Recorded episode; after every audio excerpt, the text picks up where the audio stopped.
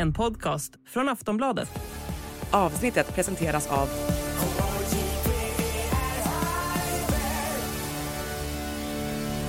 Stödlinjen.se, åldersgräns 18 år.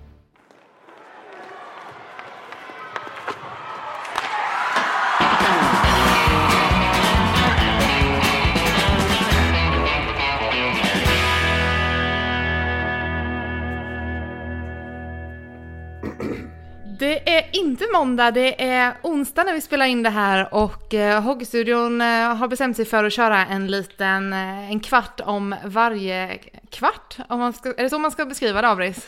Ja, eh, absolut. En kvart av varje kvart är ju ett succékoncept som jag och Thomas Roos en gång i tiden startade upp och som eh, våra lyssnare mer eller mindre skriker om efter varje, varje vår. Och eh, slutspelstider lördag hela veckan känner jag så att vi, vi, det passar bra att spela in en podd idag. Mm. Är du eh, taggad också, Ros? Jajamensan, fattas bara. så det är ju ett enkelt upplägg idag. Vi ska prata i prick en kvart om varje kvart och jag ska hålla tiden så att jag ska se till så att ni inte drar, drar över för mycket. Eh, och eh, ja, med det så är det väl bara egentligen att vi kickar igång direkt, eller vad säger ni? Absolut. Okej. Okay. Då kör vi. Jag klickar igång nu. Vi eh, börjar med att ta oss an seriesegraren Växjö som nu alltså ställs mot Luleå på torsdagskvällen.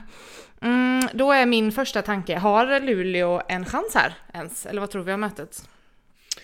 Det är ju i kvartarna som det kan bli någon skräll och om vi säger att det är fyra kvartar så, så lär det väl i alla fall bli en skräll. Kan man, kan man säga då. Och Luleå det återstår att se om de kan bibehålla den här formen och det här ruset de fick efter segern mot Oskarshamn och åttondelen då. Men eh, kollar man på hur, hur, lagen ser ut, statistiken, sannolikheten så ska ju Växjö vinna det ganska enkelt.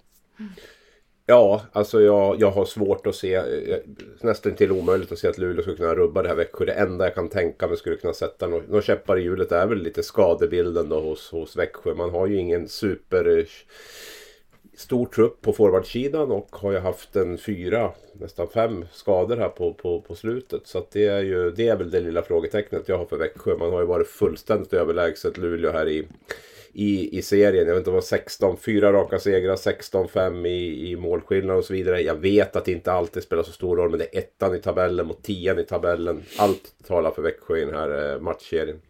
Det som är intressant med Luleå det är att man har ju haft problemet hela säsongen har varit att man inte gjort mål och nu har man gjort eh, 6-11 mål på tre matcher och fått igång lite målskytte. Det på något sätt kan ju ge lite mer smak för Luleå i den, här, i den här kvartsfinalen. För de har ju haft väldigt svårt att göra mål ja, mot alla lag, men de har ju bara gjort ett, ett mål per match mot Växjö den här säsongen. Ja. Sen, sen, är det skillnad, så Oskarshamn har ju ett annat typ av spel. Man bjuder på lite mer. Luleå har ju varit skicklig på att läsa det korta passet in i mitten egentligen hela säsongen som Oskarshamn ofta bjuder på. Göra mål på Växjö i mina ögon något helt annat. Och jag gick in och tittade lite grann på målvaktsstatistiken där också. Emil Larmi har stått alla fyra matcherna mot Luleå. De har vunnit fyra, alla fyra. Han har fyra insläppta mål på de här matcherna. 96 nästan i räddningsprocent. Så att... Eh, det här är en kille som kommer med bra känsla när han möter Luleå i alla fall. Så att jag tror att de kommer att få tufft igen att producera. Men absolut, det är klart att det skadar inte att spelare får göra, göra mål som de fått gjort nu. Sen har man ju en stekhet Brendan Kinnimin som återvänder till Växjö nu lite grann. Det är ju en eh, häftig match i matchen där med hur han kommer att tas emot i ett slutspel av, eh, av, eh, av Växjö-publiken. Mm. Mm, du nämnde att eh, det har varit en del skador hos eh, Växjö. Eh, om vi börjar med, vem, eh, vem är det som saknas mest i Växjö? Ja, alltså, för mig är det den 16. Eh, Kalle Kossel också naturligtvis. Han var ju väldigt duktig. Han var ju skadad länge under hösten. Kom in och var väl lite av succéspelaren i, i, i SHL där under, under en månad ungefär. Och sen har han gått sönder igen här nu då. Men, men, men, men 16 är väl den jag tycker har varit bäst genomgående under säsongen. Och han är väl den som är längst bort också. Om, om jag förstår Jörgen Jönsson rätt Eh, jag har varit inne och läst eh, de här superproffsen på, på min hockey där nere på Smålandsposten och rapporterar från träningen och vad jag förstår så, så är ju 16 den som, som är vecka för vecka snarare än dag för dag. Är det inte fantastiskt tråkigt att, att han har nummer 15 på ryggen, att han inte har 16? Ja, också är det, också är det genialiskt. Ja, sitter ju och pratar det blir liksom Ja. Men, men, men ska man bara isolera vad, hur, hur Växjö har spelat mot, mot Luleå så är det ju faktiskt poängligan. Det är Joel Persson, sju poäng på, på fyra matcher. Du har Hardy Herman Aktell, en personlig favorit. Fem poäng på fyra matcher. Så det har ju varit liksom många som har bidragit. Det, det är ju det som är Växjös styrka den här säsongen tycker jag. Att man inte riktigt är beroende av eh, en spelare eller två spelare. Utan poängen där i topp 15 eller topp 10 interna poängligan, det är relativt jämnt där. Är det? Ja, så har de en helt... Det är ju ingen slump heller att det är två backar som, som leder den interna poängligan mot just Luleå. Alltså de har ju en helt magisk backsida. Jag måste bara få nämna det. Alltså, jag vet inte, det här måste vara den bästa backsidan sedan Frölundas 2016 eller någonting sånt här. Alltså, jag, jag, jag tror att vi kommer att snacka om den här backsidan eh, eh, om 5-10 år liksom och minnas tillbaka att det här var, den här var fruktansvärt bra. Men de har ju allt tycker jag i det här med ehm, Joel Persson, Herman Aktell, jag tycker Koivisto gör sin kanske bästa säsong. Brian Cooper vet vi vad kan. Lukas Bengtsson håller jag väl som kanske den mest kompletta backen i hela SHL faktiskt. Och sådär. Så att den är, det är ju där mycket Växjös styrka ligger. Och där har man ju inga skador heller ska jag väl säga. Så att den där kommer ju, det måste vara jobbigt att möta en sån backsida som är så spelskicklig. Men ändå så pass bra defensivt också. Mm, har eh, Växjö några andra, alltså förutom liksom skador och så, de är ju starka som satan Växjö, men finns det någon svaghet som Luleå kan tänkas uh, utnyttja? Ah, ja, jag, jag, har, jag har svårt att se något, något direkt sådär. Alltså man har ju satt lite frågetecken om forwardsidan, liksom bredden på forwardsidan och sådär. Men jag tycker man under säsongen har visat liksom att man sättet man spelar tillsammans och att hur man kan utnyttja den här starka backsidan som man har eh, och liksom göra det till, till, till verkligen ett offensivt hot också på, på det sättet man har gjort. Det är ju, jag, jag, jag har svårt att se det. Sen, sen är ju Växjö, man blir ju sällan sådär superimponerad när man ser dem spela. Eh, det går inte alltid så fort och de gör det lite i sitt tempo. Men de är experter på att liksom styra tempot i matcherna och liksom lägga som en blöt filt över, över motståndaren på något sätt. Så att eh, jag...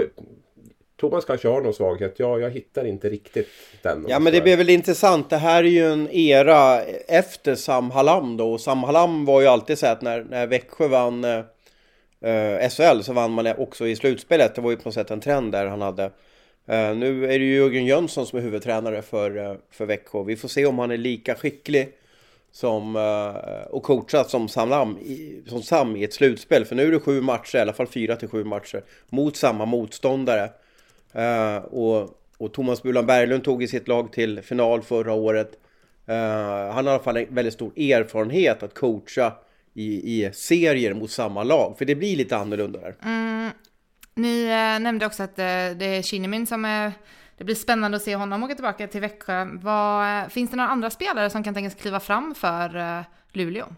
Man kan väl alltid nämna Einar Emanuelsson när det är slutspel. Va? Han hade ju ett eh, lite magisk avslutning på förra, förra årets slutspel där och sådär. Så, det, är, det är väl en spelare som, eh, som är en liten, liten joker ändå får vi väl ändå säga. Isak Brännström har ju varit bra stort sett hela säsongen. Så att eh, Konstantin Komarek har ju kommit igång väldigt bra här i slutspelet också. Så att eh, de, har ju, de har ju ändå fått, fått igång lite som Thomas var inne på. De har ju fått, in, fått igång lite målskytte och fått göra lite mål och sådär. Och, och, så. så att eh, Linus Fröberg sett bättre ut också sådär. Men eh, jag tror man måste skilja också på matchserier. Det är lätt att sitta och hetsa upp sig över, över hur vissa spelare varit bra här mot, mot, eh, mot Oskarshamn och så. Men, men jag tror att det, det, blir, det blir något annat att möta Växjö. Och tittar man på Luleås jag tror Julius Honka toppar liksom, har gjort 1 plus 1 mot Växjö under säsongen. Det är, det är liksom deras poängkung mot Växjö. Va? Så det, det, det, är tuffare. Men, men visst, de har några, några men ingen sådär... De saknar den där riktiga spetsen. Det har vi pratat om hela säsongen med Luleå. Det har varit deras stora problem. Liksom. De har ju inte kunnat ersätta Omark och Andreasson och Leppestö och sådär. Och det, det, jag tror att de här spelarna, det kommer inte explodera någon av dem nu heller. Tror jag.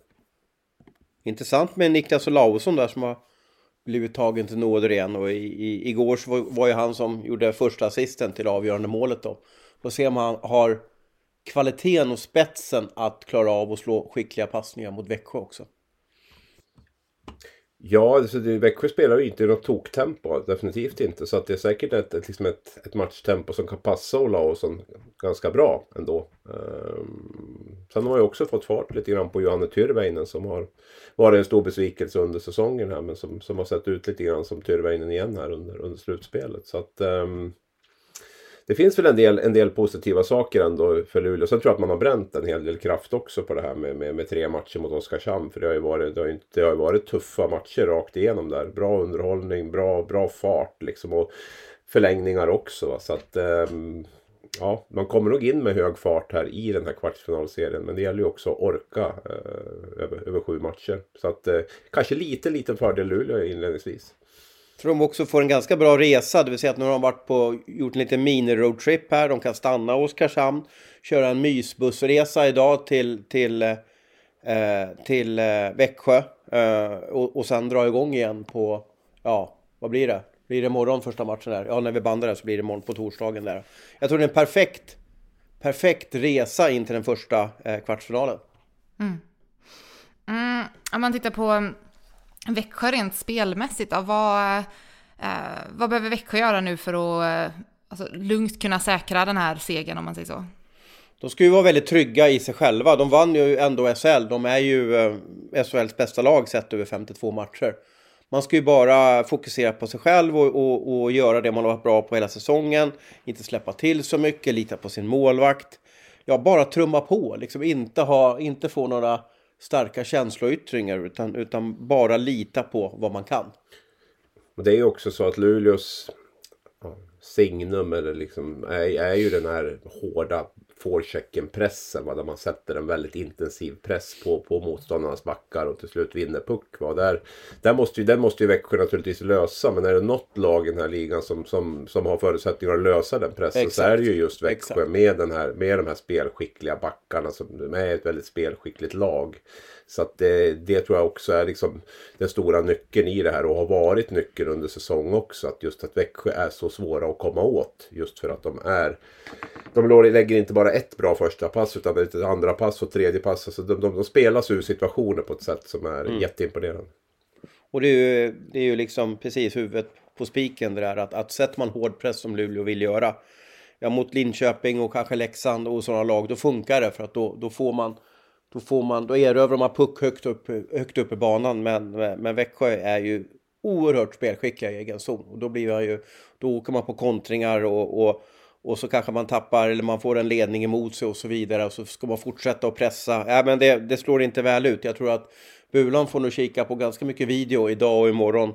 Ja, framförallt idag. Eh, för att hitta, hitta något sätt. Hur ska han förändra spelet? Men såg jag också Växjö låg över 40% i powerplay också under de här mötena med Luleå. Så man har en ganska skön känsla i powerplay också. Nu ska vi väl vara tydliga med att allting startar om och, och, och sådär. Va? Men det är klart att det tror jag väl definitivt att man, att man har, um, har med sig. Men samtidigt var det någonting som var positivt i Luleås spel mot Växjö under säsongen så var det kanske just powerplay där också. För de låg i alla fall på 23% i, i powerplay gjorde.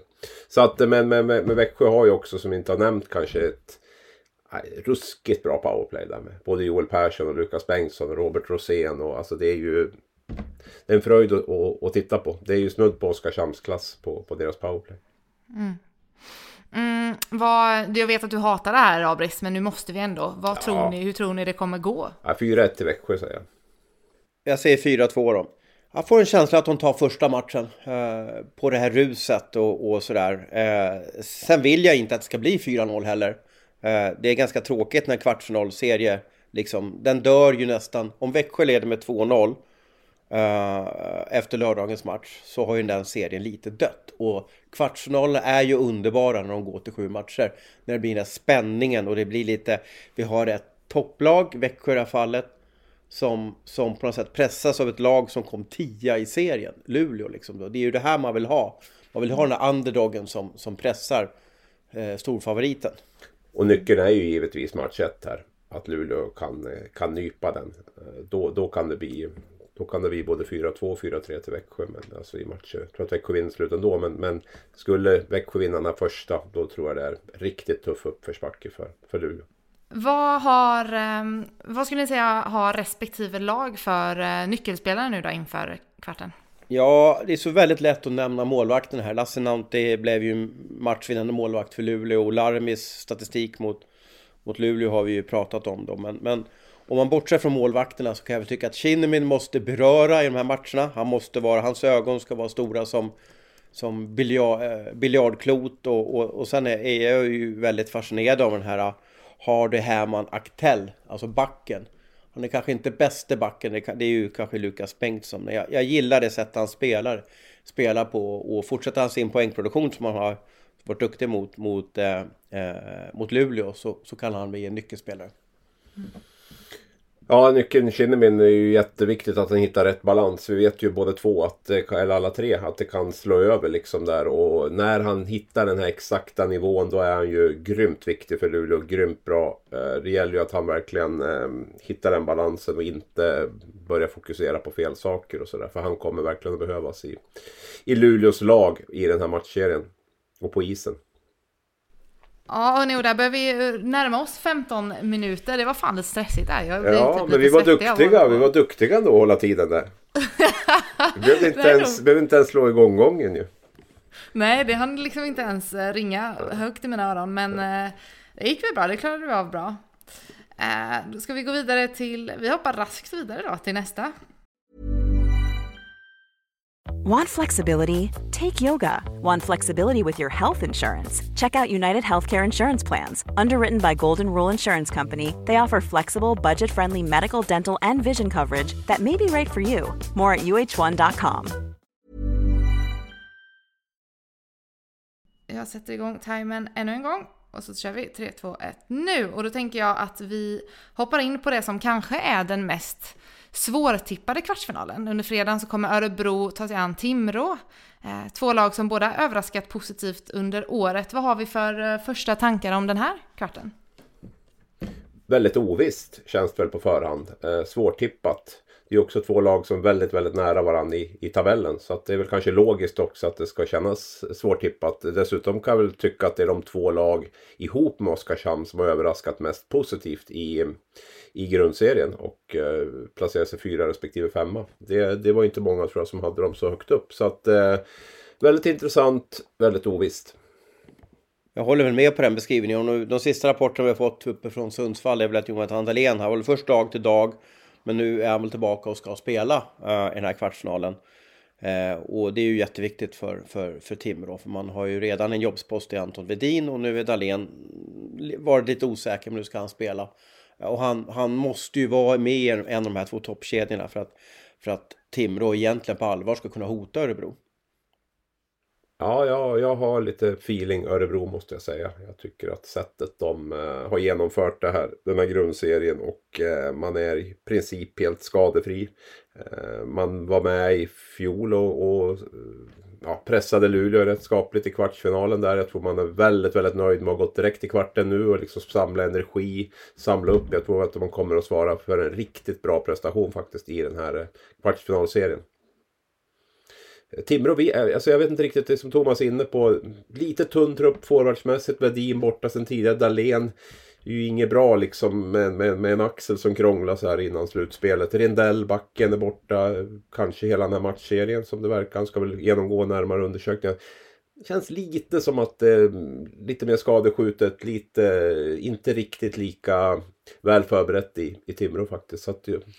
Och sen är det ju, det man, när man låter en tränare summera varför man har åkt ut då i ett slutspel eller i kanske en, ett kvalspel då som Brynäs-Malmö är i så kom, tycker jag många tränare kommer tillbaka till att vi saknade erfarenhet och rutin från sådana här sammanhang.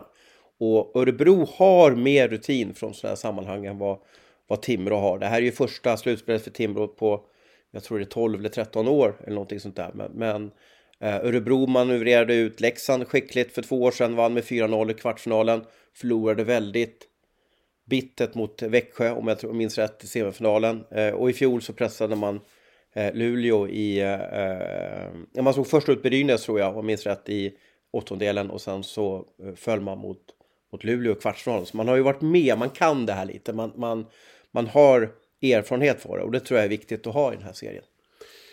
Ja, Timrås säsong är ju på något sätt, de har ju liksom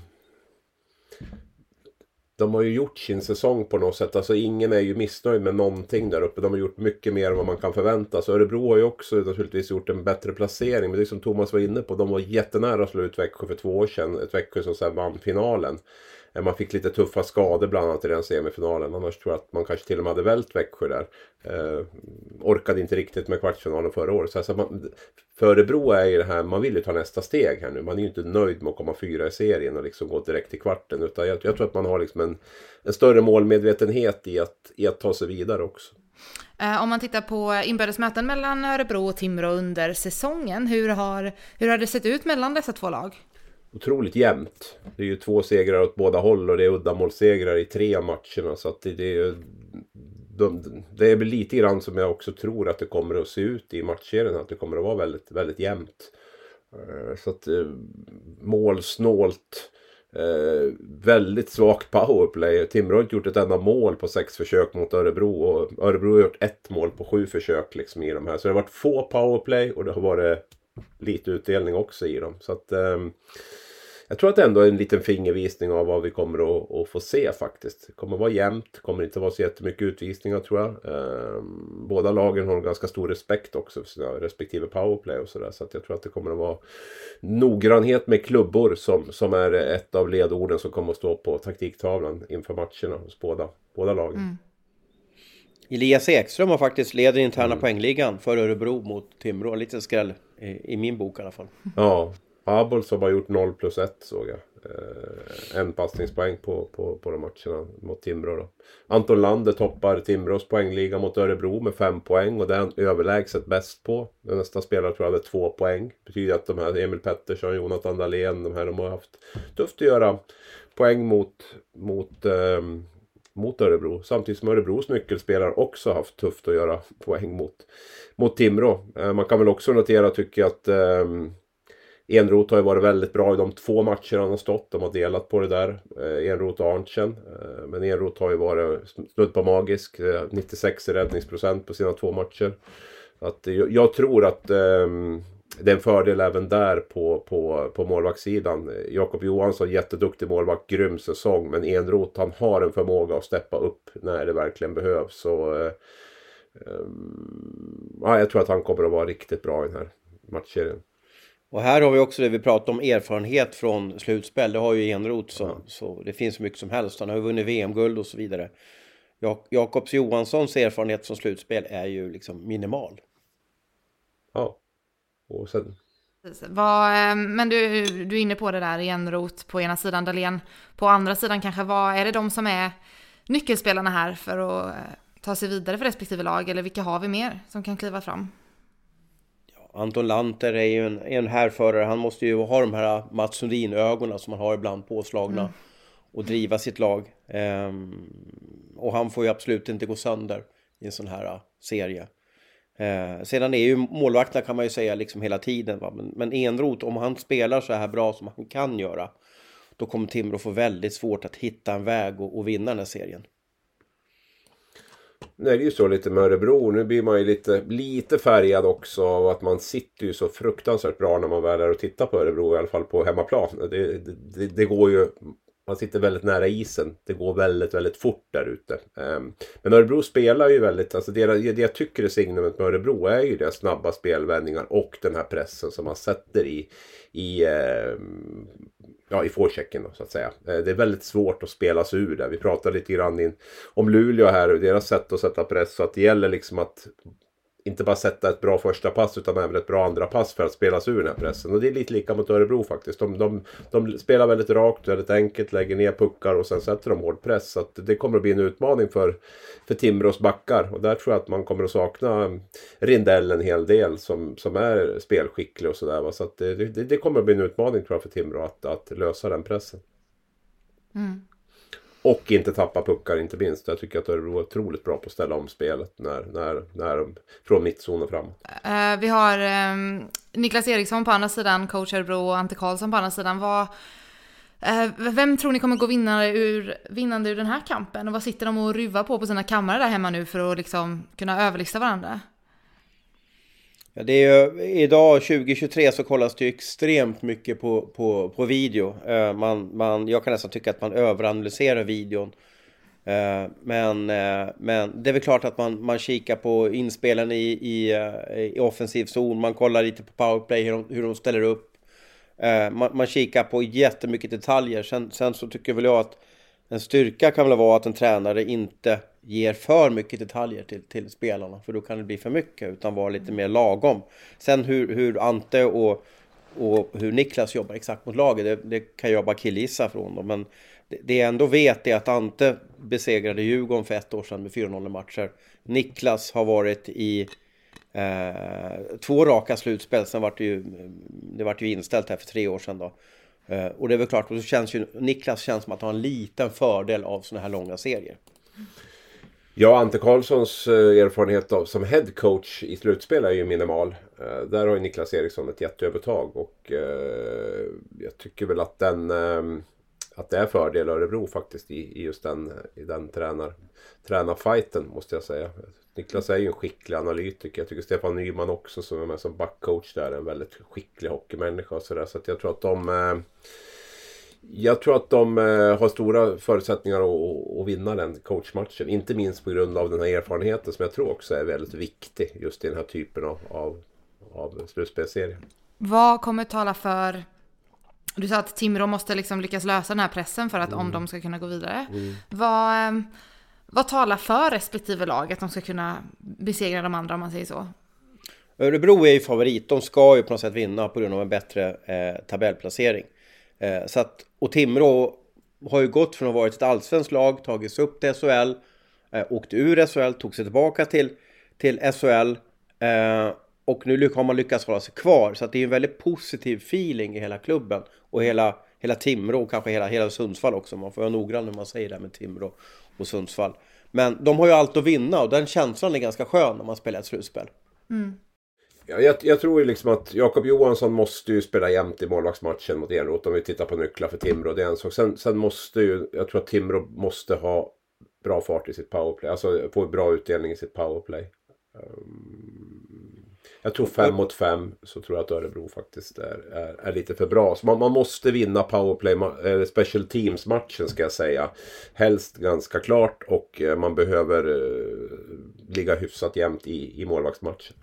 Örebro drar ju på sig ganska mycket, mycket tvåor. De är ju det ett av de, de jag tror de är på plats fyra i antalet ja, tvåminutersutvisningar i SHL den säsongen. Och, och Timrå har ju över hela SHL spelat ett väldigt bra powerplay. Man är väl topp tre i hela ligan, men har inte fått till det mot, mot Örebro.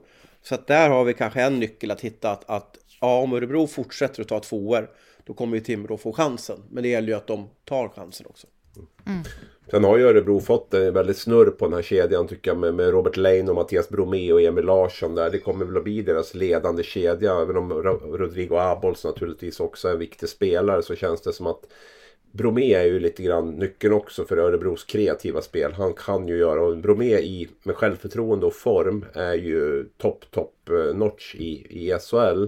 Och jag tycker att han börjar närma sig det. Det har ju varit en ganska tuff säsong sedan han kom tillbaka från Schweiz och Nordamerika. Och eh, nu, nu sista, jag tror han snittar en poäng per match, de sista 10-11 matcherna och sådär. Och, och, ihop i den här, den här trion tillsammans har ju, har ju hittat varandra. Så det tror jag kan bli, bli Örebros leading line. Sen är väl också, hur ska man säga, jag vill inte säga att det är sista natten med gänget för, för Örebrolaget då. Men du har Niklas slutat som tränare, Leo Karlsson lär fortsätta sin karriär i Nordamerika. Eh, och Abols lagkaptenen, flyttar ju söderut till, till Rögle. Så på sätt det här är ju sista chansen för den här gruppen att göra något riktigt bra och vinna någonting. Mm. Mm, hur tror ni det kommer gå då? Tippa, jag tror Örebro vinner.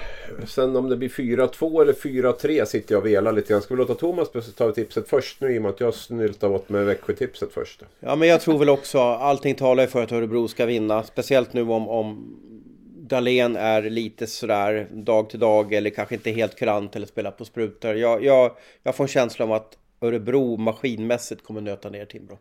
Mm. Och resultatet blir? Ja, men jag säger 4-2 då. Ja, då säger jag 4-3 då.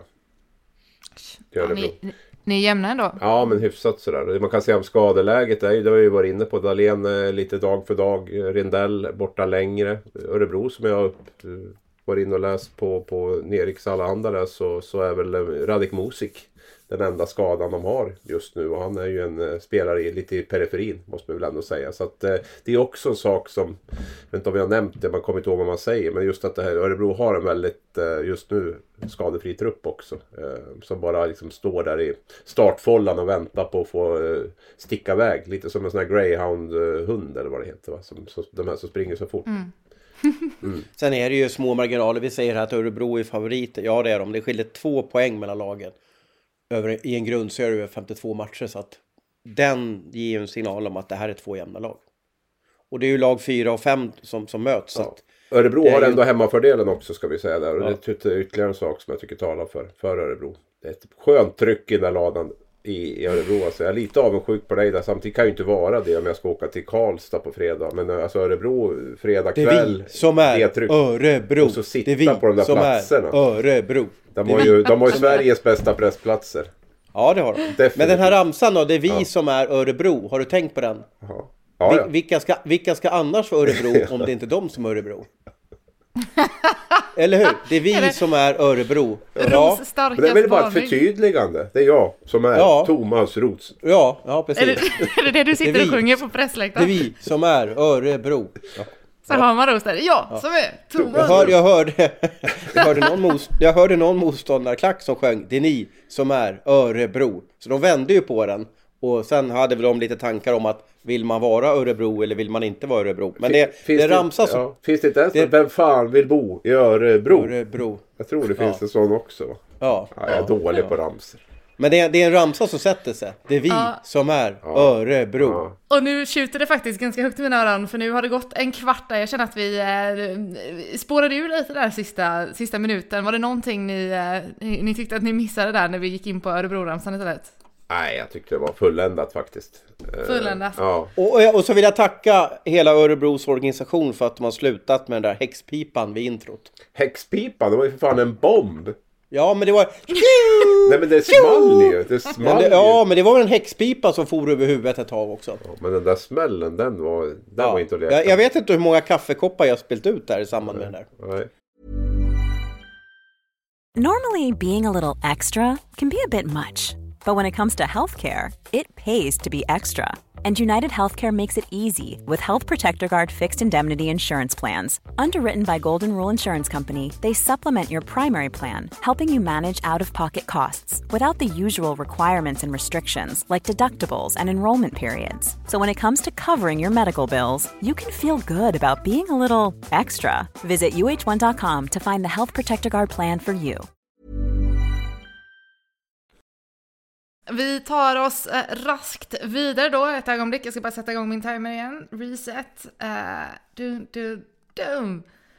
Vi tar oss vidare till, ja, på förhand kanske den mest hypade kvartsfinalen skulle jag vilja säga. Vi har pratat naturligtvis om Färjestad-Frölunda. Um, ehm, vad har vi för eh, tankar om den här? För det första, ja, för det första så är det ju, jag måste klä med lite ord allting. Alltså det finns så många nivåer och det finns många kamper i kampen i den här serien. Eh, så att den, den eh, jag, jag tror i alla fall innan serien har börjat att det här kommer bli helt magiskt. Ja, De, de möts ju inte allt för ofta de här stora liksom, giganterna i, i svensk hockey. Och bara när det är en vanlig grundseriematch på en lördag mellan, mellan lagen så är det ju en folkfest. Nu hörde jag att Färjestad skulle få ett jättebortafölje, eller alltså många supportrar med sig ner till, till Göteborg här på om det är andra matchen eller, eller när det nu blir. Eh, och det är ju det. det, är, det är helt otroligt att se de här matcherna. Och nu får vi uppleva det här i ett slutspel. Ja, grattis eh, svensk hockey. Ja, men jag kan bara stämma in i, i det Thomas säger. Det här är väl kanske det hetaste rivalmötet skulle jag väl vilja säga i SHL. Jag vet inte, Malmö och Rögle har vi väl förstås. Glömmer jag något Thomas? Men eh, just de här, jag tycker ofta... Ja, Djurgården och AIK när de Ja, möttes om de är med. Men jag tänker på de som är med just nu i SHL. Liksom. Det är klart att AIK, Djurgården, Skellefteå, Björklöven om det skulle vara så. Där är de ju med. Men om de är SHL-lagen nu så skulle jag vilja säga att det här eh, är det, är det ja, hetast. Och jag vet inte hur många sådana här... Det känns som att man alltid är med oss en lördag i Karlstad ungefär. Liksom. Att det alltid Ja, i grundserien i alla ja, fall. I I grundserien, ja. ja. Ja, jo, Ja. absolut. Nej, alltså, det är alltid så heta matcher och det finns så många nivåer i det här med allt från liksom ja, men Joel Lundqvist, Gustav Rydahls övergång och, och hela det här. Hela den Ja men Roger Rönnberg, jag vet, inte hur, jag vet inte hur många gånger jag suttit på en presskonferens där det har varit, jag menar Geron, Penneborn och nu har vi Metell. Färjestad älskar ju att stoppa lite kniven i, i, i Rönnberg och jag vet någon presskonferens när Geron, Geron Dahlgren då sa att eh, ja, och han avslutar allting och säger ja, och så tycker jag synd att Frölunda spelare filmar så mycket. Ja.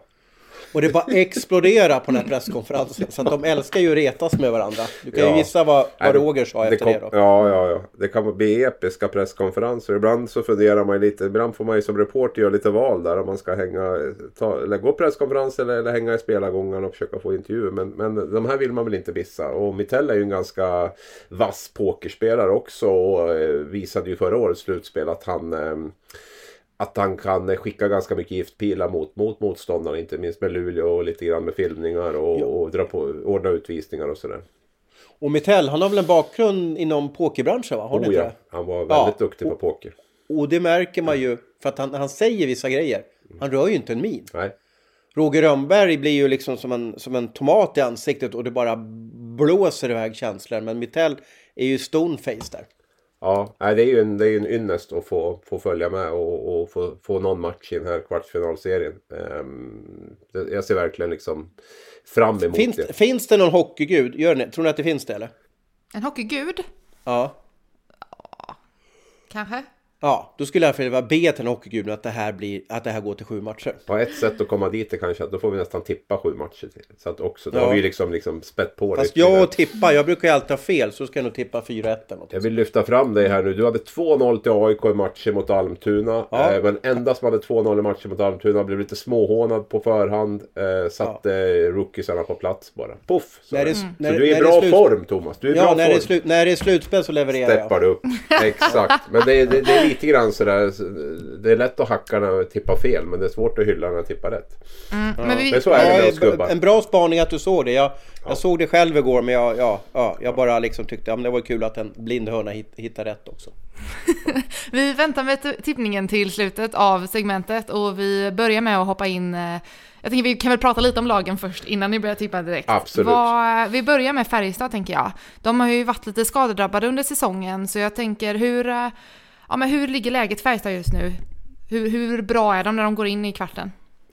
Jag tror att de är ganska nöjd med, med läget. Eh, med tanke på det du är inne på. Det har ju varit en säsong där de verkligen har fått kämpa och krama trasan och eh, försöka göra det bästa av, av situationen med många spelare borta. Vi kommer in på Frölunda också. Det, de har haft det tufft som tusan också. Så det är inte något... men, men just nu så ser det väl ändå, ändå rätt så bra ut. Nu fick man väl... Remielli på väg tillbaka. Eh, de här övriga... Pocka, Pocka är väl Exakt. frågetecken? Ja men det är ett stort frågetecken. De pratar ju till och med om en månad där när man är inne och läser på initierade Värmlands Folkblad så har de väl avslöjat eh, att, eh, att Pocka blir borta en månad. Eh, Pocka är väl lite sån här, eh, det är lite av en hackkyckling. Det är aldrig någon som säger något positivt om Pocka egentligen och, och sådär. Men han, han ligger ju på sina 21-22 minuter ofta va och eh, någon typ av nytta gör han ju definitivt va. Även om han inte är en långt ifrån den mest flashiga back vi har sett i SHL genom historien. Så det är klart att det är ett avbräck. Nu har man ju fått in Brandon hette han i förnamn Davidson va. Eh, som har gjort, gjort det bra där och sådär. Så man har ju ändå breddat sin backsida och, och så. Så att jag tror väl att man klarar av klarar av Pocka frånvaron. Ehm, så att jag, jag tror att man är ganska tillfreds med, med skadesituationen just nu med tanke på hur det har sett ut. Det var också intressant, alltså man, man ser att Färjestad har tappat mycket nu. Jag tror att det var alltså åtta av de nio bästa poängplockarna från förra årets slutspel är, ju- är fortfarande kvar i laget. Det är lätt att glömma det. Man pratar liksom om, ja nu är ju Furch inte poäng, någon som gör poäng men eh, med Rydal och Delaros och så. Men, men man, de som drev det förra året poängmässigt är fortfarande kvar. Det är bara Rydal egentligen av de här nio bästa poängplockarna som inte är kvar. Mm, och tror vi de kommer, eh, tror vi att de kommer steppa fram det här slutspelet också? Eller vilka kommer Ja, fram för ja men absolut. Det tror jag definitivt. Det är ett måste liksom för, för Färjestad naturligtvis. Att, att de här eh, etablerade namnen Ejdsell och Åslund och Lindqvist och Lennström och, och de här. De, de måste ju driva laget. Det är ju inget snack om det.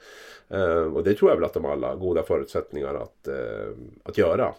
Mm, och eh, det är väl det jag tycker med Färjestad. är ju det här just att man har det som är styrkan med Färjestad på något sätt är att man med, med Mitell har fått den här tydliga strukturen, det här hårda jobbet, den här eh, backchecken som sitter. Det är få glidmeter som Mitell kallar det. Eh, men man har ändå kvar den här skickligheten bland de här spelarna som kan, som kan göra det där extra. Färjestad var ju kanske det skickligaste laget tidigare men man var väldigt svajiga i strukturen. Nu tycker jag att man har både och. Och det är, Nygård ska vi nämna naturligtvis också i det här sammanhanget. Alltså de har fler. Men som är så den mixen mellan hårt jobb och skicklighet tycker jag är Färjestads stora styrka. Om vi kikar på Frölunda då, samma läge där så är väl Friberg borta då. Eh, Mursak är väl tillbaka i laget eh, och så vidare. Så att det börjar väl liksom hyfsat ljusna för dem också. Eh, det är väl Friberg som, som när han blev skadad där i januari som han kanske var, kanske var Frölundas bästa spelare. Och man går ju lite tunt där på forwardsidan. Man har ju värvat in den här vad heter han, Erik Borg heter han så. Mm. Eh, och han går ju nästan som andra center där i, i laget och det, det är, han gör det ju bra men, men det kanske inte är den andra center som man vill ha i ett slutspel mot, mot Färjestad. Nej, och nu tog väl Mursak eh, den platsen direkt när han var tillbaka här enligt då, dels Lehmann på raka puckar och eh, GPs rapportering där med Rylander i spetsen så, så förstod jag det som att Borg fick, fick flytta på sig direkt nu när, när Mursak är tillbaka. Det har ju också varit en hel del frågetecken runt Andreas Borgman. Har ju haft lite problem med en fot eller mycket problem med en fot och sådär men, men han ser gladare ut igen i rapporterna från Göteborg så att eh, rör sig mera obehindrat och sådär så att Frölunda är ju lite samma läge och jag tycker det här är så otroligt roligt när vi har det här mötet att vi också får se dem de bästa. Man vill ju liksom inte ha folk avstängda eller skadade eller så utan vi vill ju verkligen att de ska få rätt förutsättningar båda lagen att liksom kunna kräma ur det bästa av, av varandra. Så att eh, därför känns det också, också bra. Kanske de två största skadeproblemslagen under säsong nu som, som börjar få tillbaka det, det mesta de får. Och sen det vi pratar om, vi har ju de här matcherna i matchen. Vi har ju Matt Tomkins som var etta i Frölunda i fjol, men fick beskedet ganska tidigt att han inte fick vara kvar i Frölunda. Värvades till Färjestad. Nu ska han möta sitt gamla lag och givetvis så tänker han att gud vad roligt att bevisa för dem att de gjorde fel. Vi har Jakob Nilsson som gjorde, har gjort en, en eh, motsvarande resa fast åt andra hållet. Blev ratad av Färjestad när de tryckte in alla sina stjärnforwards. Gick till Frölunda. Nu kan ju han göra samma sak mot sitt gamla lag, det vill säga bevisa att de gjorde fel som ratade honom. Mm. Ja, det blir, det blir spännande. De möttes ju i sista omgången här, eh, Färjestad och, eller Frölunda och Färjestad då. Då nollade ju Färjestad Frölunda och vann med 2-0. Och vem var det som stod då? det var inte Tomkis, det var Dennis Hildeby. Eh, Tomkis mm. har stått de tre tidigare där. Så att, jag vet inte, den matchen, tror att de gav nej. dem järnet i den matchen tror du? Nej, jag tror inte det. Jag tror inte det. Men jag, sa, jag tog fram det lite ändå. Nej men det är väl ja. klart att nog, nog kommer man gå på Tomkins. Eh, Lasse Johansson har ju stått alla fyra matcherna mot, mot eh, Färjestad och har ju en ganska bedrövlig statistik mot, mot just Färjestad om jag ska vara helt ärlig. Eh, en seger visserligen men 85,44 räddningsprocent mot, mot Färjestad är ju inget som, som imponerar. Men eh, vi har sagt det tidigare va, grundserie är en sak, slutspel något annat. Då är det någonting Lasse Johansson brukar vara bra i Sverige i slutspel. I alla fall i KL där och även har ju varit det när, eh, när Frölunda vann guld 2016. Vad, vi, har, vi har varit inne lite på det nu, men när, eh, när de har mötts tidigare under säsongen och eh, alltså bara lagen i sig så, vad, vad talar för och emot respektive lag i den här kvarten? Det känns ju som att Färjestad går in lite, lite, lite som favoriter ändå. Ja, alltså, ja. börjar du Thomas. Ja, men ser man på tabellen, det är ju den man utgår från, så är ju Färjestad det bättre laget över 52 matcher. Eh, jag tror att den här serien är väldigt öppen och ja, jag hoppas ju att det går till sju matcher. Hoppas att det, att det kan bli en eh, folkfester som, som nästan aldrig tar slut. Det var ju någon gång som jag sa att det var någon som sa kan vi inte förlänga och köra bäst av, bäst av, eh, bäst av nio matcher eller någonting sånt där. Hänger ni med? Alltså man vill, I vissa matchserier vill man inte ska ta slut och jag kan gissa att det här blir en sån. Mm. Sen tycker jag, jag, jag tycker Frölunda är ju lite mera enformiga i sitt spel på något sätt. Jag tycker också att man har inte fått igång att Joel Lundqvist vinner interna poängligan på 29 poäng är ju liksom det är ju inte riktigt bra. Det är ju inte det Frölunda man vill, man vill ha. Eh, vi har spelare som, som Ryan Lash eh, innan tycker jag har haft det ganska tufft. Jakob Nilsson har varit skadad mycket men gör inga poäng. Jag, jag har svårt att se liksom riktigt vilka som ska kliva fram och göra de här eh, poängen. Jag tycker Färjestad har fler offensiva hot i sin, i sin laguppställning som också har levererat bättre under, under säsong. Så att jag jag tycker Färjestad har lite bredare repertoar på något sätt än, än i Frölunda. Frölunda är ju lite grann att man är man, man vill ju gå mycket på knock på något sätt. Liksom, att, att sätta den här hårda pressen och liksom vara det här aggressiva laget. Och som jag tycker man ofta får bli straffad i, i, i det spelet. Så att, eh, och framförallt då när man kanske inte har ett powerplay som levererar riktigt och, och sådär. Då, då har man lite för få offensiva hot. Sen funderar jag på om det kan bli en anspänning för Frölunda här med Joel Lundqvist. Eh, den här sista grundseriematchen var ju ganska upphaussad för det var Joels sista eh, grundseriematch. Det var, det var på hemmaplan. Färjestad för motståndet även då. 12 044, oerhört klassisk publiksiffra när det är fullsatt Skandinavium. Man torskar med 0-2. Nu kommer det hela tiden bli Joels sista eh, kvartsfinal, Joels sista slutspelsserie. Och det är självklart att alla vill vinna för Joel i Frölunda. Men det blir också en liten press att man vill inte svika den här liksom legendarkaptenen. Nej. Um, på tal om Joel, är det han som är nyckelspelaren för eh, Frölunda nu i eh, slutspelet? Ja, alltså han är ju, nu, nu vann han ju den interna poängligan. Uh, han är ju inte den som, som kanske ska peta in alla målen egentligen, även fast han, de har ett bra stäm i, i powerplay där han står framför mål och skyfflar in puckarna. Eh, men han ska ju se till att ingen fuskar. Han ska ju se till att det är ordning och reda och att... Eh, eh jag, jag kommer ihåg när jag jag skrev någon text om honom här i, i ja, fjärde mars tror jag var. Och då frågade jag Fredrik Sjöström lite genom managern för Frölunda vad, vad Joel betyder. Och då var han inne på att ja, men han har ju synpunkter på hur bussen står när, de ska, när den ska packas, hur de åker och så vidare. Och det är sånt här som ska, små detaljer som vrids till som blir så viktiga i ett slutspel. Och det är ju Joel kung på. Och eh, nej men Joel Lundqvist tror jag man vet ganska väl vad man får ut av. Jag tror att det som blir nyckelspelare för, för Frölunda är väl kanske snarare liksom vad, vad, vad kan Ryan Lash leverera i det här slutspelet. Liksom den typen av spelare. Hur, hur bra ger det in alla i slutspel? Anthony Greco liksom. Det, det, är den typen av spelare som jag tror måste växla upp för att Frölunda ska få liksom en liten X-faktor i det här. Eh, sen tror jag ju Max Friberg, eh, att han skulle vara tillbaka betyder ju otroligt mycket för, för Frölunda på eh, både liksom offensivt lite grann i poängproduktion men framförallt liksom i, i hans karaktär och hans sätt att vara och sådär. Han tog väl bort gipset i måndag som jag förstod det rätt och uh, han, han, är ju inte den som känner, känner efter mest så jag vet inte. Det är mycket möjligt att han kan, kan spela om inte första matchen så i alla fall ganska tidigt i, i matchserien skulle jag tippa på. Men Ryan Lash då? Vad, vad säger vi om honom? Alltså har han det fortfarande?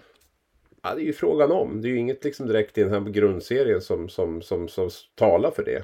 Ehm, och det känns ju som att det snäppas upp ytterligare ett snäpp nu i, i, i slutspelet. Och det är väl lite grann det här med, med farten som man kan ifrågasätta. Och när skickligheten inte räcker till riktigt. Liksom, när han inte ja, får det här powerplayet att rulla och sådär. Då blir det ju... Då blir han ju lite naken. Så är det ja. ju. Alltså då... 24 poäng mm. på hela säsongen. Jo, och lite skadeproblem också sådär. Ehm, och så. Så att, ehm, mm, nej det är ett jättefrågetecken. Men säg att, säg att Lash skulle blomma ut då som, som han gjorde i slutspelet. Jag var det 19 eller något sånt där? Typ 2019 eller någonting. Det är klart då ja, har ju Frölunda... gjorde 19 poäng på ja, 16 ja, Ja, då, då har ju Frölunda naturligtvis en, en, en grym X-faktor i, i den. Men jag ser det väl inte komma just nu. Det gör jag inte. Nu plingar en, eh, nu plingar en liten kvartklocka här i min, ah, mina hörlurar. Ah. Tuffa regler. Fan, det känns ju hemskt här. Men okej, vill ni säga en sista... Eh, tippa snabbt. Säg vad ni tror direkt. Ni sa det i början. 4-2 till Färjestad. 4-3 till uh, Färjestad. Usch, du går emot uh, hockeyguden uh, där, eller vad det var du sa. Ja, just det. Ja. Mm, jag skulle ha gått på 7 jag också. 4-3 då. Ja. Det blir, det blir 4-2. Ja, men hade vi varit kungar på att tippa, uh, då hade vi inte behövt jobba. Då hade vi bara kunnat mm. liksom betta på matcherna. Det är sant. Vad blir det, en sista innan vi går vidare till nästa, vad blir det absolut avgörande i den här kvartsfinalen? Vad är det som gör att något av lagen går vidare? Målvaktsspelet. Ja. Ja, och jag, kylan på isen, det vill säga den som inte gör dumma saker när det kommer vara så hett. Det kommer så, man kommer att ta på stämningen, men den som, om propparna går hos någon spelare och man drar på sig tum, dum, dumma utvisningar, då kommer det inte funka. Det kommer bli otroligt spännande. Vi har en kvart kvar att gå igenom. Jag har börjat vänja mig vid konceptet nu så jag är inte lika stressad längre. Vi ska se. Mm, mm, mm. Jag ska köra igång en liten uh, timer till. Och så kör vi igång nu. Då går vi in på sista kvarten där och då har vi ju Skellefteå-Rögle som spelas under tors torsdagskvällen. Eh, Rögle kommer från tre slutspelsmatcher nu. Eh, vad... Ja, Skellefteå har varit starkt. Vad, tro, vad, vad tror vi? Har Rögle någon chans vill jag säga här också. Nej, jag tror inte det. Det är korta svaret. Man, Jag går över till bara man, korta ska, man ska ju inte ha det. eh, med tanke på att man har ganska... Man, man, hade, haft, man hade jätteotur den här första åttondelen när Sar blev skadad mot Leksand. Eh, och då spelar man liksom utan Sar, man spelar utan Brithén. Uh, Everberg är magsjuk som jag förstod det. Så han borde väl kunna komma tillbaka om nu inte den här magsjukan sprider sig. Uh, vart ju lite drama där inför eh, den tredje åttondelen mot Leksand när, när han plockades bort från laget där för att han mådde jättedåligt. Eh, och den magsjukan får ju absolut inte sprida sig. De är väl ute på en, eh, en liten roadtrip nu. Jag kan gissa att de flyger upp när vi, när vi spelar in det här upp till eh, Norrland då. Ehm, men det Rögle gjorde mot Leksand, eh, de, de är ganska tunna om man ska vara helt ärliga, men de, de coachade sönder Leksand gjorde de. Eh, de lyckades se, de backade hem, satsade på, satsade på kontringar och var väldigt effektiva i de här kontringarna. Och lyckas man hitta lite samma saker mot Skellefteå, men nu är Skellefteå ett mycket, mycket, mycket bättre lag och ett mycket bättre slutspelslag än vad Leksand är. Eh, eh, så förhoppningen är ju att jag, jag tror att det är Jan Larsson som, som tittar väldigt mycket på motståndarna. Han måste hitta någon nyckel mot, mot Skellefteå, annars blir, annars blir det svårt. Det som också talar för, det, det lilla som talar för Rögle, det är att man har hittat någonting i de här åttondelarna som man, som de har letat efter hela säsongen. Och det är att man har hittat en målvakt. Rifalk var grym i de här matcherna mot Leksand. Det har, de har haft målvaktsproblematik hela säsongen tycker jag, men nu har man äntligen fått en målvakt. Mm, om du får göra en snabb, eh, inte snabb analys, men en, eh, om du får säga då, vad, vilken nyckel skulle de kunna hitta hos Skellefteå? Vad finns det ens för möjlighet där? Och... Ja, alltså eh, Färjestad testade ju Skellefteå rejält förra året i fysiskt spel. Eh, det lyckades ju bra. Så det är klart att det, det kan ju vara en, en, ett sätt att spela. Tycker väl kanske inte Rögle riktigt har det laget om jag ska vara helt ärlig för att spela på det sättet. Men, men, men det är väl ett, det gäller ju att försöka störa. Du måste ju få ner Skellefteås fart i alla fall på något sätt. De, de, de spelar väl snabbast i SHL utan tvekan. De kommer in enorm fart ner från, zon, eller från egen zon och i mittzonen och genom mittzonen och, och, och sådär. Så att det är ju... Det gäller ju på något sätt att liksom störa det här flowet de får i sitt spel. För eh, nu hade de inte så mycket flow under avslutningen ska vi väl säga. Det var en ganska knackig avslutning. Men, men normalt sett så är, ju, är, ju, är det ju det som är nyckeln mot Skellefteå. Och där måste ju Rögle försöka komma upp eh, högt och eh, inte ge Skellefteå den här möjligheten att, att spela sig ur. Men det är också väldigt svårt för att kommer det lite fel lite för sent så, så blir ju överspelad. Så det är ju, den, den balansen kommer ju att bli enormt viktig. Så har ju Skellefteå, Eh, ja. Ja, jag, jag vill bara understryka det här med det här fysiska spelet. Um, Rögle har ett ganska fysiskt lag. Man har en del stora backar, man har Everberg om han är tillbaka. Som, som, eh, eh, och kollar man på en snittlängd så skiljer det nästan 4 cm i snitt på en, en Rögle-spelare och en Skellefteå-spelare. Så jag tror där har man en nyckel. Inte hålla igen i, i närstriden, i närkamperna, utan smälla på fullt ut. Mm. det, skulle det vara Rögles liksom, stora styrka inför den här kvarten? Ja, ja, de måste få ner farten i alla fall på, på, på, på Skellefteå på något sätt. Sen har ju Skellefteå så pass många forwards också. Liksom, de ligger ju på 9-10 forwards som, som ligger över 25 poäng exempelvis i grundserien. Så de har ju väldigt, och nu har de fått in Melke Karlsson också som, som ytterligare. Så de har ju väldigt, det är ju inte bara stoppa en kedja liksom som, som det kanske är i vissa lag och så utan de, de, de har ju ett väldigt djup också i sin, på sin forwardsida där. Så att det är ju det är ju det också som är tufft med, med Skellefteå. För de kommer ju våg efter våg efter våg. Liksom, oberoende på vem som är inne. Så, så ser det lite likadant ut. Liksom. Man har spelare som Andreas Wingel är nere i tredje kedja och, och så vidare. Va? Så att det är... Um, det är ett tufft lag att möta på, på det sättet. Men Rögles absolut, pratar vi så. Det gäller att få ner Skellefteås fart, störa deras uppspel, vill gärna spela det här V-uppspelet, kommer med fart. Liksom. Där, där måste ju Rögle hitta ett, ett, ett, ett, ett motvapen. Jag vill också att ni ska kika lite på William Wallinder. Jag har ju sett han nu i, i två Mm. raka matcher här.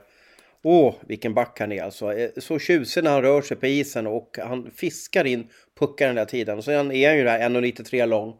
Kan behärska det fysiska spelet också.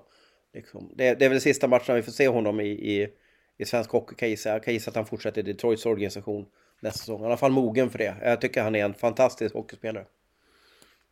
Ja, jag kan bara hålla med. Det är väl ytterligare ett bra draftval av, av Håkan Andersson. Det var väl lite, lite frågetecken runt honom när han var i Modo och sådär och, och gick vidare till Rögle har ju under de här två säsongerna utvecklats till en riktig toppback och det är ju det blir ju alltid ännu lite intressantare när de har den storleken och dessutom rör sig på det sättet. För det är klart, det är, du har ju ett övertag om du är 10 cm längre än, än motståndaren och, och, samtidigt är minst lika skicklig. Så att eh, Ja, får han, får han eh, skolar de in honom rätt där borta så är det väl en, en framtida NHL-back. Sen har Anton Bengtsson vuxit också i mina ögon under de här matcherna. Så han är ju lagkapten för det här laget och ja, skolade HVM, kommit till Rögle och nu... Ja, han, han, det är lite Joel Lundqvist över honom. Han ger järnet där ute. Alltså han offras och slänger. Jag har aldrig sett en person som slänger så mycket och täcker skott. Han är, han är magisk på det.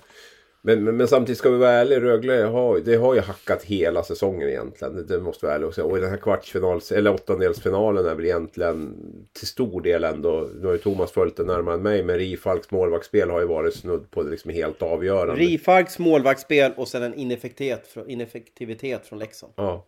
Så det är ju inte det här att man känner att oj, nu har det lossnat för Rögle. Utan jag tycker att man är ungefär där man, där man eh, har varit hela säsongen. Men man har, eh, man har tagit sig vidare och det är klart att det kan vara en, en positiv boost att, att göra det naturligtvis. Och man har dessutom en målvakt nu som man känner är i, i zonen och är het. Och då, då kan man ju spela lite utifrån det också. Eh, släppa första skottet, man vet att Rifalk tar det liksom. Se till att eh, där på returer, få undan lösa puckar och så vidare. Så det är klart att det, det är ju en trygghet naturligtvis. Men jag, jag, tror inte att det räcker här. Jag har funderat lite på hur mycket Rifalk eh, orkar också. Jag såg mm. han efter eh, eh, matchen här på tisdagskvällen. Och jag ställde någon fråga eh, och, och hur, hur, mycket vatten han har bränt. Eller om det var druckit eller vad det var. Och då sa jag ungefär som en pool, sa han. Uh, och nu har han stått tre väldigt tuffa matcher på fyra dagar. Mm. Alltså, undrar han, om man orkar liksom slänga sig in eller om man behöver vila, hur, hur det funkar. Ja, men det fina i den kråksången är väl lite grann att de har ändå en bra backup i Kalle Klang. Och Kalle Klang jo, det, är ju det är ju Rifalk som har tagit dem vidare nu. Jo, jo, men om man behöver vila en match som du är inne på så är det ju inte någon katastrof tror jag. Tittar man på Rifalk, var ju, eller Klang var ju faktiskt den enda som... Rögle har ju vunnit en av fyra matcher mot, mot Skellefteå den här säsongen och då, då var det Klang som stod. Rifalk har tre förluster mot, mot, eh, mot Skellefteå tidigare och sådär. Så att jag tror inte att man jag blir inte alls förvånad om Klang kommer att stå någon match i den här eh, matchserien. Och jag tror inte att eh, det behöver vara någon jätteförsvagning för, för, eh, för Rögle om han gör det faktiskt. Sen är ju Rifalk den de kommer att gå på tror jag i, i slutspelet. Men, men är han helt slut så, så finns det ju möjligheter att spela Kalle Klang där. Mm. Sen blir det ju intressant att se med Linus Söderström som kanske har varit seriens bästa målvakt när han har stått. Jag har haft mycket skador och sjukdomar och lite sådär så han har inte stått allting. Men, men eh, eh, hur, hur, eh, hur han håller ihop i slutspelet. Han har ju haft en, förmå- eller en otur att liksom bli en del skadad och, sjuk och sådär. Och det är klart att det är... Även om Toema har gjort det ganska bra när han har kommit in och stått de matcher han har gjort efter, efter de värvade in honom. Så, så är det klart att Söderström är väl är väl liksom Skellefteås tänkta guldmålvakt om, om de ska gå hela vägen. Ja. Skellefteå har ju en svag form ska man veta. Nu vann de väl sista matchen, omgång 52 där mot Örebro. Men innan dess så är ju formen är väldigt ifrågasatt för, för Skellefteå. Ja. Mm, det, var precis, men det var faktiskt precis det jag skulle fråga, hur uh, Skellefteå sett ut i slutet på grundspelet nu och vad som kanske talar mot dem, om man ska säga så. Ja men det är ju det varför de inte har varit den här maskinen som de var eh, tidigare under säsongen. Eh, de, har ju, de hade ju en svit där i höstas där de förlorade sex eller sju matcher. Eh, och sedan så vände de den och vann och slog klubbrekord. Tusen matcher typ. Eh, nu har de haft en dålig trend, man vann i sista matchen. Det är väldigt svårt att se just nu, eller veta exakt vilken version av Skellefteå får vi se på, på torsdagskvällen när, när pucken släpps uppe i, i Västerbotten. Sen vet ju lite av erfarenhet också att Skellefteå är ju ett lag som, som ofta tränar ner sig ganska rejält inför ett slutspel. Det har ju varit lite av klubbens framgångsformel i, i, under de här, den här eran som man hade där. Att man vågade liksom trycka på med träning och jag tror säkert att man har gjort det även, även i år och att det är en del i att man eh, har varit lite, haft lite tuffare i, i slutet på, på serien. Så att jag tror att vi kommer få se ett väldigt, väldigt bra Skellefteå. För jag menar, man, har, man har ju förberett sig för att gå riktigt, riktigt långt och då handlar det kanske inte om att vara på topp eh, sista åtta matcherna i grundserien. Utan det handlar om att eh, hitta den under slutspelet där. Så man har nog offrat lite poäng i serien för att vara toppförberedda tror jag. Mm. Vilka spelare behövs, eh, eller behöver, men vilka, vilka spelare som kommer bära Skellefteå eh, genom slutspelet? Ja, alltså, Förutom Linus Söderström. Ja, tittar man, tittar man på Skellefteå så är det väl klart att det är ju Det är väl klart att de här spelarna som har varit med tidigare och, och som, som med, med Oskar Möller, med Jocke Lindström, med Per Lindholm och så vidare. Jonathan Pudas. Alltså de, de måste ju gå i bräschen i, i Skellefteå. Även om jag tycker att man har en, en stor bredd på sin forwardsida. Med alltså, spelare som Melke Karlsson, Kühnhackel. Alltså som har varit med i spelat mycket borta i NHL och sådär. De har ju, har ju alla ingredienser. Men, men de, de fyra som jag räknade upp där tror jag är nyckelspelare för, för Skellefteå. Det är ju två lag som har bra rutiner från, från, eh, från slutspel. Skellefteå har ju mer erfarenhet än vad, vad Rögle har. Och Rögle var i final för två år sedan. Eh, ja, klarade av Oskarshamn till slut i, i, i kvarten i fjol. Eh, vann Champions Hockey League förra säsongen. Eh, men, men pratar vi erfarenheter och, och skickligheten att vinna ett slutspel så har ju Skellefteå mycket mer erfarenhet än vad, vad, vad Rögle har. Vad blir avgörande rent eh, spelmässigt för Skellefteå? För att de ska kunna ta hem det här. Ja men målvaktsspelet är man kommer ju aldrig ifrån det. Målvaktsspelet är ju viktigt att, att det funkar och att Linus levererar eller att Rifark eh, levererar. Eh, det blir ju lite det att det får inte, man får, det får inte, det får inte släppas in tre puckar under en period. Det, får inte ske. Nej, men för Skellefteå som jag var inne på. Det handlar ju, för Skellefteås del handlar det mycket om att de, att, de kan, att de får spela sitt spel med den här farten och det här drivet genom alltså, och det här, de här skickliga lösningarna i anfallszonen där, där man, där man liksom skapar heta lägen. Skellefteå har ju varit överlägset på det i, i, i SHL. Liksom, att just att hitta bra avslut i, det- i det farliga området. Och det, det är ju det kommer bli nyckeln för dem. Eh, att, att fortsätta spela det spelet. Sen får vi se lite grann i powerplay. Där de har haft ganska tufft båda lagen i powerplay mot varandra i alla fall. Skellefteå har gjort ett mål på eh, 13 försök. Släppt in ett dessutom. Eh, och Rögle har bara gjort ett mål på 11 försök i powerplay. Så det var en ganska stängd powerplay-match mellan lagen under, under säsong i alla fall. Så vi får väl se om det, om det öppnar upp sig där. Mm, hur, um, spetsiga frågan, hur tror ni det kommer gå då?